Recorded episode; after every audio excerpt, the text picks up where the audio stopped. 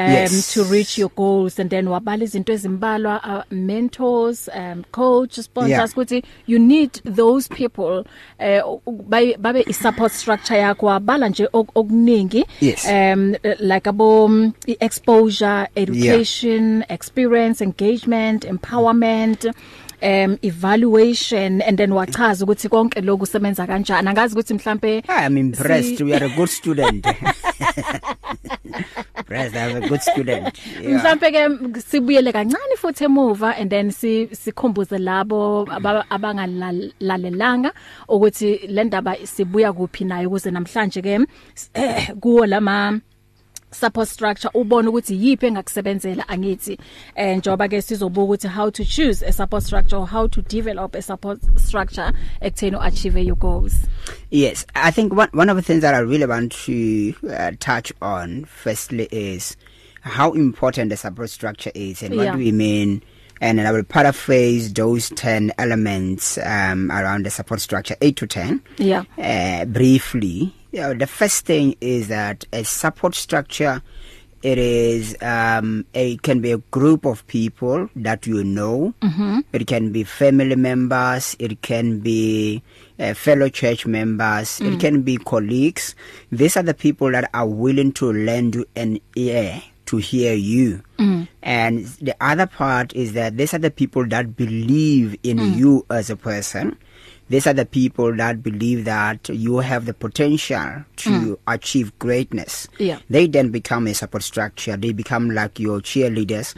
But not only that, these are the people that become your accountability partners in a process because most of the time is that people are thinking that they can make it on their own. They mm. become islands. and the truth of the matter is that if you become an island you are likely not going to achieve the things that you want to achieve and mm. you will see when we close we will talk about six principles of translating your ideas into reality so it is critical for you as individual to have a mentor as your support structure because a mentor is someone who acts as an advisor mm. to a less experienced individual known as their mentee most of the time we always think that we know better than others but mm. the truth of the matter is that you can learn from the experience of your mentor you can learn from the exposure of your mentor you can learn from the encouragement of your mentor there's nothing that is so encouraging like someone who will tell you like i have been through that if i've been through there so you can always make it is someone who is also giving you a chance to learn from their mistakes so that you don't um fall into the same rabbit holes or you fall into the same mistakes that they have actually made in any space of your life and the good thing is that you can have multiple mentors uh, in different areas of your life you can have a mentor as a as a husband or a wife you or as a couple you can have a mentor for financial literacy uh, you can have a mentor for business you can have a mentor for anything that has to do with um, ministry and so forth that becomes quite very important for you to remember that you can have multiple mentors and the thing about mentors is that they help you to grow and develop as a professional as a person and they offer you advice based on more advanced knowledge or experience. The good thing is that you must remember that you cannot buy knowledge. You, you cannot buy experience. I'm sorry. Knowledge you can buy. You can pay for a particular course and then you'll be taught something. But the experience, it is something that you cannot buy. So it is important for you to remember that. And the other thing about the whole concept of mentorship, it is about relationships that are built through networking, personal connections, or formal um, mentorship programs you can do and see what does that work for you so the 10 things that we are paraphrasing now and we'll go into the importance of the support structure is that it brings you empowerment it brings you education it brings you experience it brings you um, encouragement and it brings you exposure it brings you enlightenment it brings you execution or the culture of execution whereby you are acting on the things that you want to do most of the people we don't have a problem with our plans but the challenge that we have most of the time it is execution it is getting it over the line It is also the ability to engage with people. It is the ability to engage outside of our comfort zone that we engage with people who happen to be strangers in the beginning. The truth of the matter is that the people that are, are you, that are your associates now at a particular point they were your strangers so you must never be afraid to engage with people outside your comfort zone and lastly it must be the place of evaluation whereby you can sit back and uh, with your mentor with your support structure a mentor a coach a sponsor peers friends and so forth they they are able to evaluate to say like you know what compared to where you were last time you you have made progress i but it's like we are regressing now one of the exercise that i gave to people in one of in one of my master classes is that i say send a whatsapp text to about 5 uh, to 8 people the whatsapp text must have just two questions the first question is about what are the 3 to 5 things that I am good at as a person? Then the second one is what are the 3 to 5 things that I have to improve as a person? You send to about 8 people two could be your friends, two could be your family members, two could be um, probably the people that you are serving with in leadership, two could be your colleagues at work. You then get that feedback. You will hear the things that you are good at. You will hear the things that you need to improve. That gives you the sense of where you are as a person. And that will help you to evaluate yourself so that you can grow. The reason you have to evaluate yourself, it is because you are intentional about your growth. If you are not intentional, about your growth you will not be able to translate your ideas into reality so that's a brief of the conversation that we had uh, 2 weeks ago so what is it that we want to bring in says Bahle today it is just the issue of um uh, importance of a support structure then the second thing is about choosing a mentor or a support structure thirdly we're going to be bringing a bonus part which is about principles of translating your ideas into reality so getting into it in terms of the importance of the support structure or relationships is that understand that the relationships that you have are resources God brings you closer to some people or bring some people into your life because they are going to serve as resources into your life. You you are not um, in a particular company of people as a coincidence. It has been God's orchestration. It is God's doing that you are in that particular um, locality, in, in that particular group, in that particular church, in any area that you find yourself in, all the people that you know. So here are six things. The first one is that the support structure is going to give you a chance to be listened to as a person you have to really be listened to as a person if there's no one that is listening to you you may feel as if like you don't have belonging the sense of belonging you can feel that you are rejected you can feel that you are not loved and so forth so it is important for you to have the people that can listen to you without necessarily judging you they just listen to what you are saying as a person they listen objectively, not subjectively. And most of the time, it may be people outside your family space. It is other people that are not, um, they don't have the assumptions, the pre conclusions about you.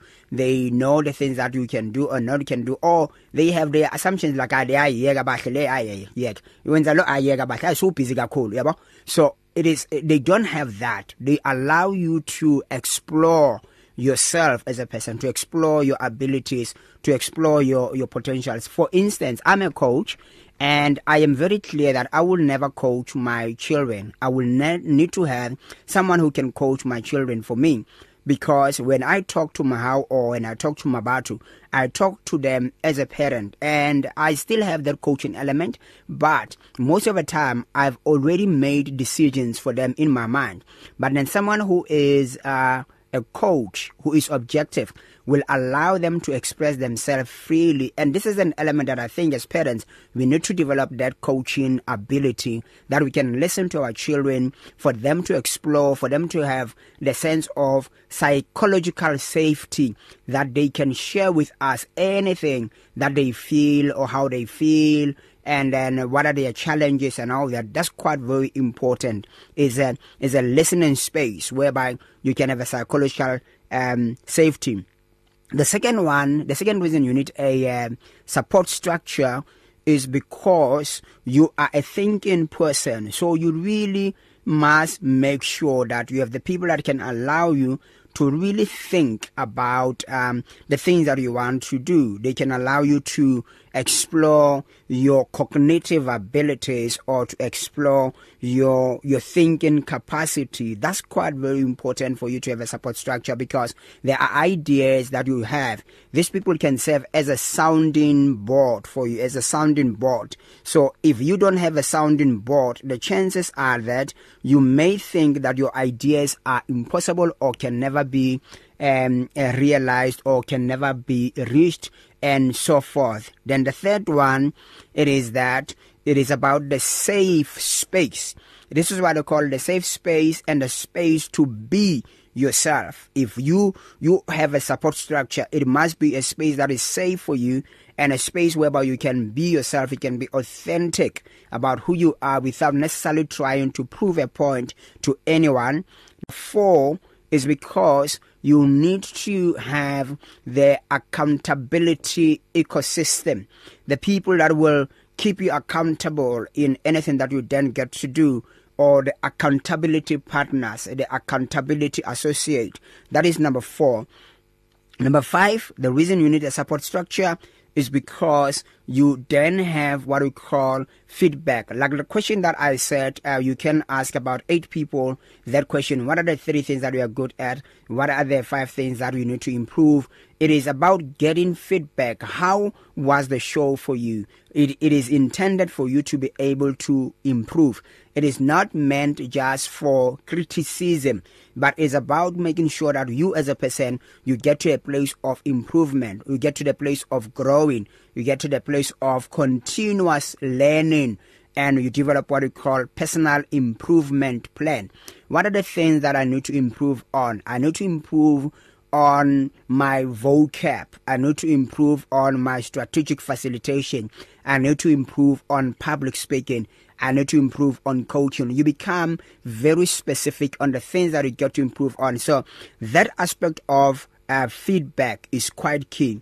The last one um, is the the sense of belonging. The reason I say I'm bringing this issue of sense of belonging is that at times, especially hey, the journey can be very lonely. Eh? uh, you feel as if like yo I'm on my own here you feel like yo I'm hitting the the wall you feel like um it is not going to happen I I had a uh, one of the of the PhD students that I was coaching she was going through this um um um uh, PhD journey technically she knows what she wants to she knew what she wanted to do But the challenge was that you get discouraged in a process. You get the feedback from your supervisor.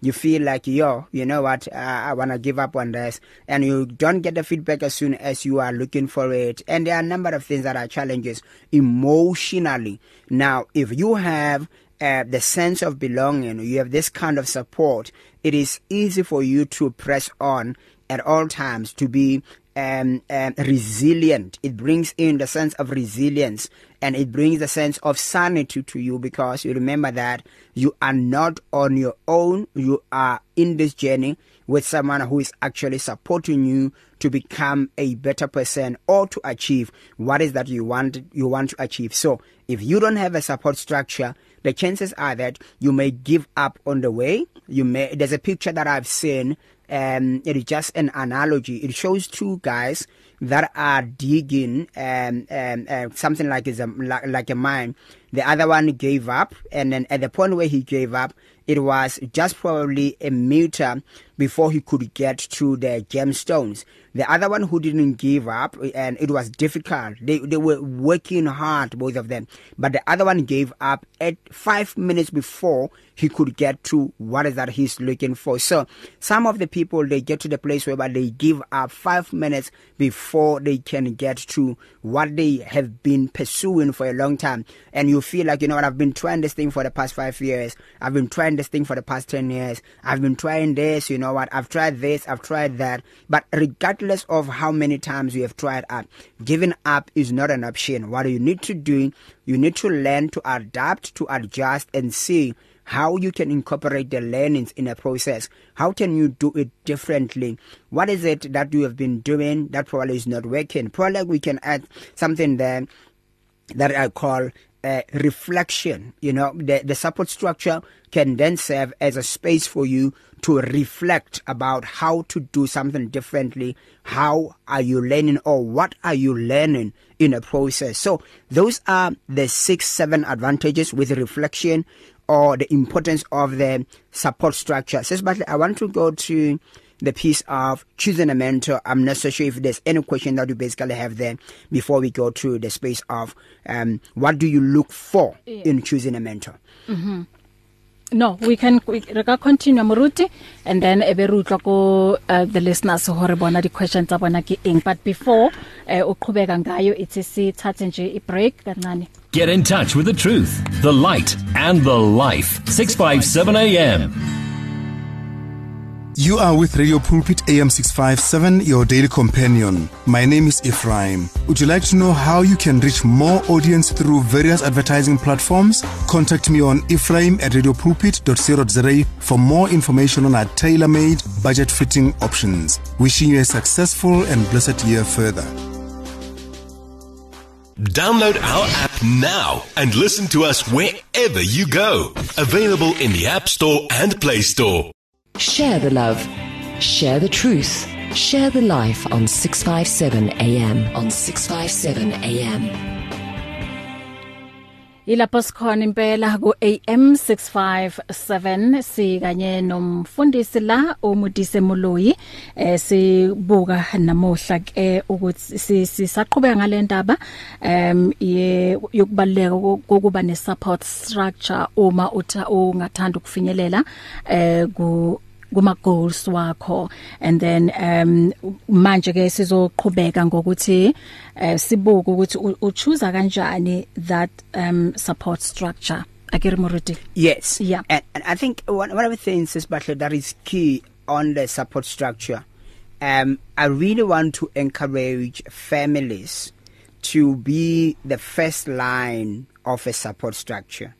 that as a family can I have the assurance that my family is supporting me that my family is um my support structure my family is there for me they may not give me money they may not give me anything but the the moral support makes a difference in terms of you pursuing the things that you want to do the things that i pursue or that i want to do they may not make sense to you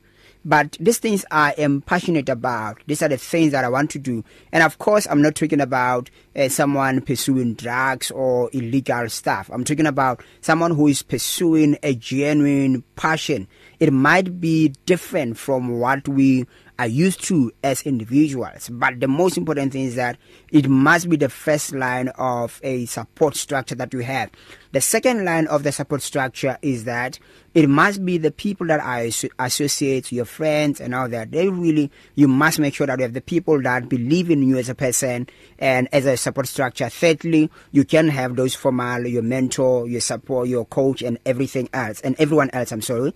This is what you can look at. So I'm just looking at the three levels of um, support structure that you can talk to. There you have your pastor, you have your mentor, you have your coach, and you have your colleagues and all that that's that's one that's a third element but now how do you choose the the support structure intentionally family it is given you, you know um uh, friends to a certain extent um it is it is by choice but one of the things that is important which some of the things will be very applicable is just five things um in terms of the support structure it is about making sure that um there's compatibility around the area of interest. You are into business, then have a support structure that is talking to business. And the business at times, you have the people that are talking about uh, thousands of rands, others are talking about hundreds of thousands, and others are talking about millions. So if you have a support structure that is talking about hundreds of rands and then your idea is about millions of rands, the chances are that they may believe that it is impossible for you to reach to that. But if you have a support structure that is talking millions and you are having an idea that is a million rand or million dollar worth idea, it is easy for them to believe you because they know that it is possible. So the language becomes very different. How they spend their time is different. How they uh, the, the events they attend is different. Uh, the books they read are different. The workshops, the master classes that they attend are different and so forth. So their language is actually going to be very very different that's one element area of interest i call it compatibility to a large extent then the, th the second thing is that your support structure it must have the space whereby it is a, a two-way street type of a communication that i can talk and you listen and you can talk and I listen. So it must be that connection beyond communication. At times, at, you know, communication, yeah, we do understand it. But for me, it's about the deeper level of connection that you are connecting with these individuals. You are connecting with the support structure.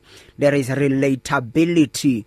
Yeah, you can relate about certain things. You can really have some common things around um, that deeper connection. Then the third one is the issue of the shared values. What are the values that we are sharing?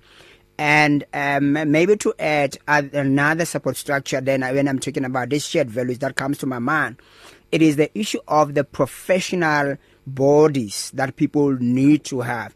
And there are several professional bodies that we can talk about, whether it is um, in relation to your profession, it can be a business related professional body that you can belong to because then it gives you the space to be able to network with people who are like minded if you are a psychologist it's important to be part of the uh, psychologist professional bodies if you are an accountant be part of the um accountants uh, professional bodies if you are a business person be part of like your um your BMF uh, BLSA and other professional bodies or associations that you can be part of. It therefore gives you a good support structure. But the important thing then is about the shared values. What are the shared values? Integrity, honesty, humility, and others, you know, your GBRs and so forth. These are kind of like the support structures whereby you are able to connect to other people. Number four, it is making sure that your support structure have time for you. you can be in a support structure that does not have time for you uh, here it can be in a form of a, a an association a professional body it can be individuals that you may have to be talking about individuals is about time is about willingness it is about um accessibility it is it is of no point to call someone your support structure but they are absolutely not available uh, to you at any point in time. They are not available for whatever that you are looking forward to do and and so forth. So availability and accessibility is quite very key. The last one in terms of the support structure is about um, defined expectations, which will then give the piece around um, the piece around um, uh, the boundaries that you are able to set the boundaries to say like these are the boundaries uh, if you don't have the boundaries the chances are that people are going to go overboard and as a result it might distract you to achieve what you want to do it might delay you to achieve what you want to do it might destroy your your your reputation as a person your you know it can do a whole lot of things to you so you must be very intentional about choosing a support structure, it must be that it adds value to you as a person or you are adding value to that particular support structure. It must not be something yeah yokubloma ekhoneni, you know, or, oh, you know like now it's no longer blooming ekhoneni like uh, eh, ekase and all that. But if you are part of a group of people that whatever that you spend your time on, you are you are not empowering each other, you are not advancing each other's growth, the chances are that ublome ekhoneni you know it's just you wind the seal that's all because you are just waiting for the sun to set and you go home and then you even forgotten what is that you guys have been speaking about so you got to be very intentional your support structure must be uh, inspirational for you it must be insightful for you must must be informative for you must be able to share some insights information and inspiration for you to progress into whatever that you want to do please always belong to a particular support structure. So that is basically what closes the piece that we we started uh, 2 weeks ago about on on the the piece that is talking about how to build a support structure to attain your goals. You must always know that you have to um um you have to uh, have your goal in front of you It must be the guiding um, uh, guiding principle for you. It must be your north star that this is where I want to get to. So whatever that I'm doing, it must be adding value towards um, that particular goal. So that is that as uh, Sisbahle before we go into uh, the last part which is just about six principles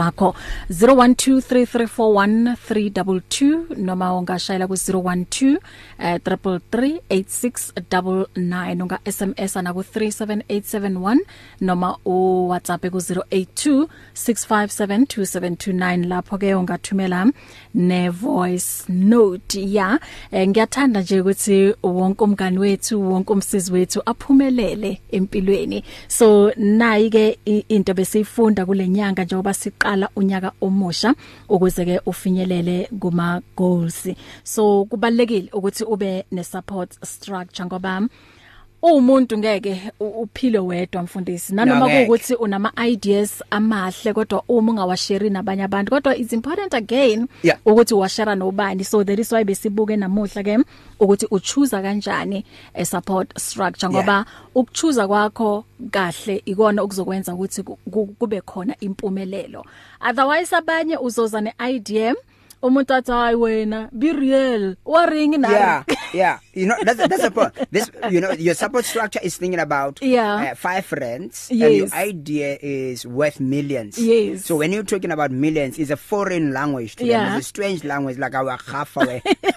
you know what I mean? Yeah. Yeah. Yeah. Yeah. That, that's the thing. So you must be very intentional about yes. how to choose your support structure. And yeah. and and you know when the Bible says that uh, do not be deceived, a bad company corrupts good manners. True. And then it says walk with the wise, you yeah. shall be wise. That's it's very scriptural mm. so your com- the company that you keep mm. will either stretch you to grow to grow or they will um they will keep you not growing mm. so that's that's the thing that's the truth yeah. it's a biblical uh, principle yes. You walk with the wise yeah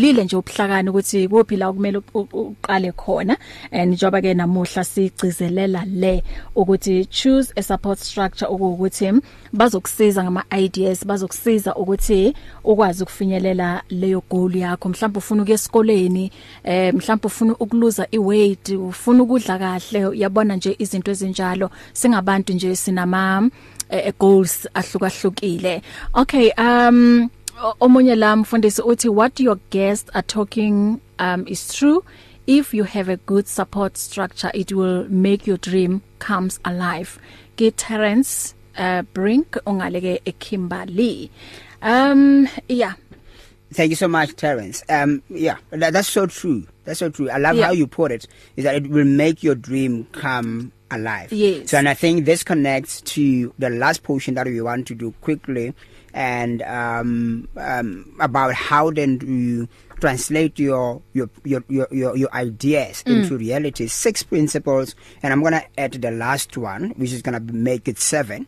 Um, uh, not in the order of priority for that matter, mm. but here's the first thing that you got to do. You must make sure that your passion is very clear. Mm. Identify mm. your passion deepen your knowledge, create industry presence, invest time and focus on something. That's mm. important. So uh, when it comes to your passion, identify your passion, deepen your knowledge about your passion, create industry presence, let it be known ukuthi obahle wase the, the one who the radio bahle which one are you talking about mm. and then if you say mudise mudise the coach mudise yabo yeah. there must be something that gets to identify you um uh, that you are being identified with as a person it must be very clear talk about what you are doing and make noise about it don't wait for people to talk about it do something about and talk about it don't wait for people to invite you create a platform for yourself to be able to demonstrate your passion but deepen your knowledge and what i have noticed is that the people who are not so good with um with certain things ne but because they have confidence they are able to pursue uh, the, what they are good with, even if their content is not so good, just because they have con- confidence. But the ones who have content, they find themselves most of the time, not all the time, lacking confidence. As a result, they find themselves hungry while they having the the, the the good content but the ones who don't have so much good con good content they are very good they are making money because they are confident in what they're doing that's one then the second thing is as a principle is that you must commit and you must plan um, um you must commit to the plan you must commit to a well articulated plan what is it that you want to do be very specific about the things that you got to do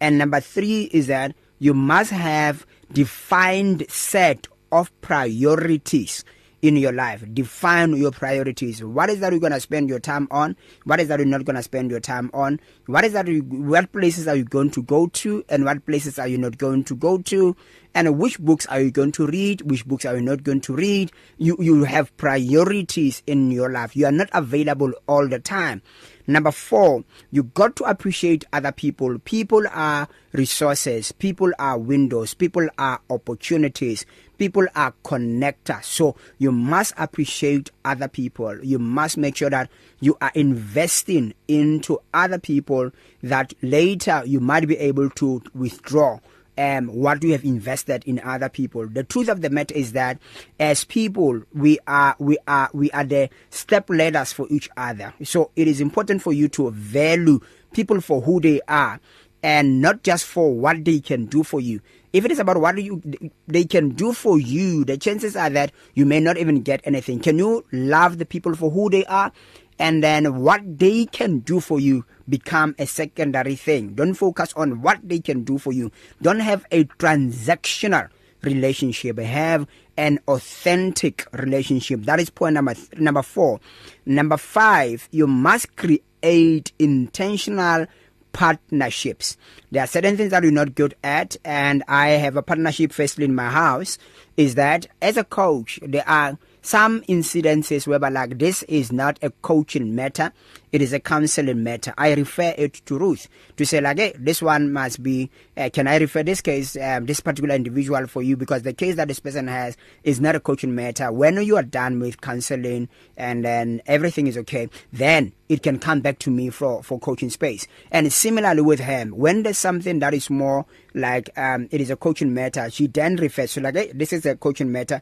and all that so you can look at re referring or partnering with other people in different uh, spaces so i was just making an example with that the then number 6 is about being motivated by the desired price and if you notice this is about 7 p's and then the other one we were doing about 10 e's there just to make it easier for you guys so it is be motivated by the desired price what is it that you want to achieve the desired achievement if you are going to achieve this how is this going to change your life if you're not going to achieve how is this going to delay your life whatever the case may be look at the bigger picture the bigger prize what is it that is going to do for you the last one it is not because it is the least but it is the golden thread of everything that we have spoken about it is that you must uh, invest time in being a prayerful person present your request your petitions to God in prayer and in supplications and make sure that you really marinate your your you marinate your plans your ideas with spending time in the presence of God through prayer through studying of the word through meditation that is going to really make you um a very very sane and very safe in everything that you then get to do so those are seven principles of translating your ideas into reality you must keep going on them all the time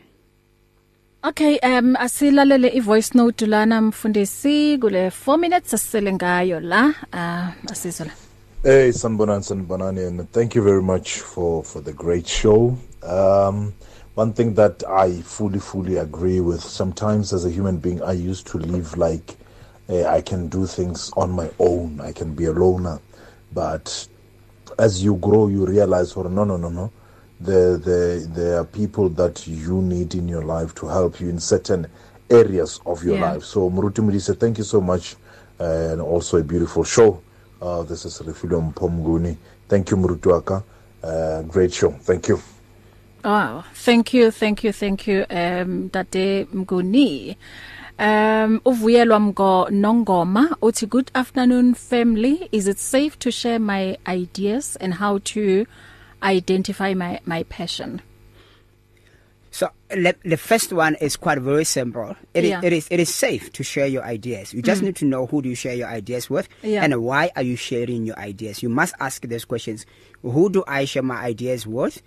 why am i sharing um, am i sharing those idea with so you must also be mindful there are people who who will discourage you so you must be mm. careful that you don't share your ideas with such people and there are people who um for the lack of better words or just without um really being there are people who really they don't have ideas mm. but they have resources yeah so you share an idea they go and implement it you mm. know it's because they have resources you have the idea and you don't have resources you know those are the paradoxes that we find ourselves um, mm. um uh, confronted with yeah. but the truth of the matter is that you need to be intentional mm. in sharing your ideas you are not just sharing for the sake of like talking yeah. it's because these other people that you feel think assume mm-hmm. that they will help you to work and translate your ideas into reality how do i then identify my passion one it would remember this is what i believe in sisibahle that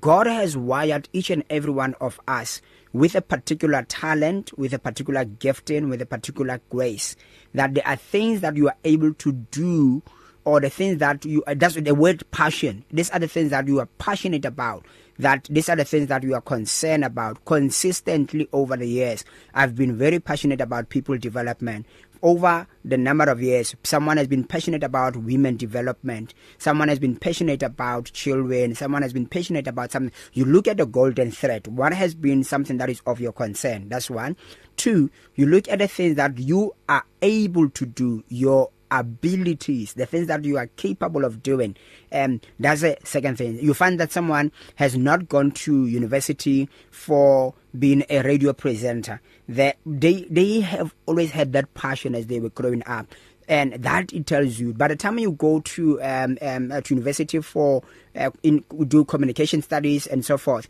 you are just enhancing what you are already good at that's that's how you then get to identify your passion and these are the two principles that I can just share with you um on the show for now to say how do you identify your your passion and thirdly probably as i add and close with it is that you you know having a mentor or coach can assist you to be able to dig deeper in you to see the things that you are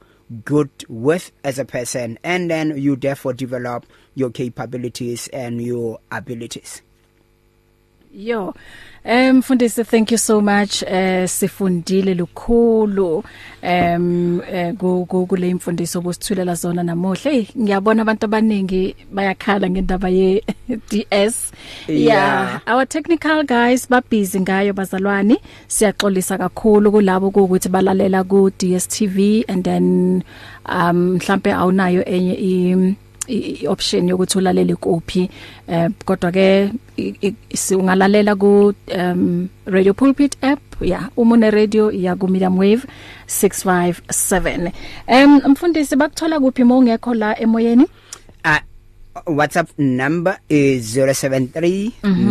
913 1351 then you can also connect with me on all social media platforms um mainly Facebook on Mudisa Moloi secondly on Twitter then the third one on on Instagram you'll mm -hmm. find me on those three um uh, social media platforms yeah. and you can also check my YouTube channel um I haven't updated content recently but I still have a very good content quality yeah. content on Mudise Moloi on YouTube you get some of the of the conversations that I've had um, in the past. Mhm. Mm Releboga Mruti ukuthi ube nathi kulenyanga yonke ngiyathemba ukuthi eh mesofika mhlambe in 6 months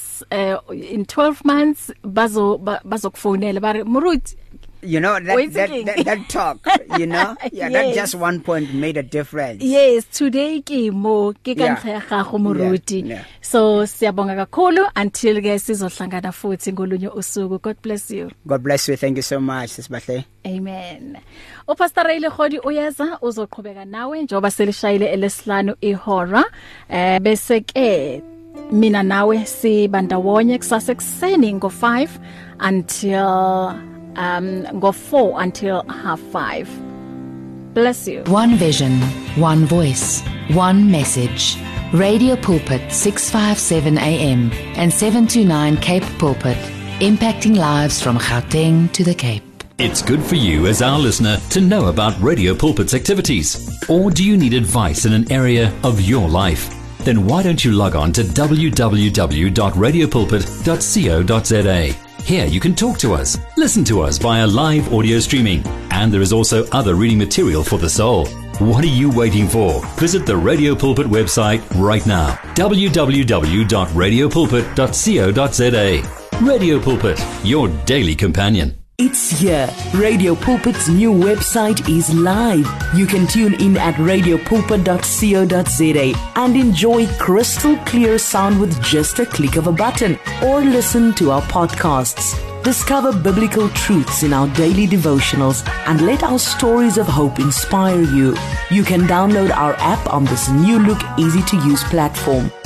Find your favorite program, get to know our presenters, and so much more at radiopulpit.co.za. Radio Pulpit, your daily companion. From your ear to your heart, to your mouth, to your feet.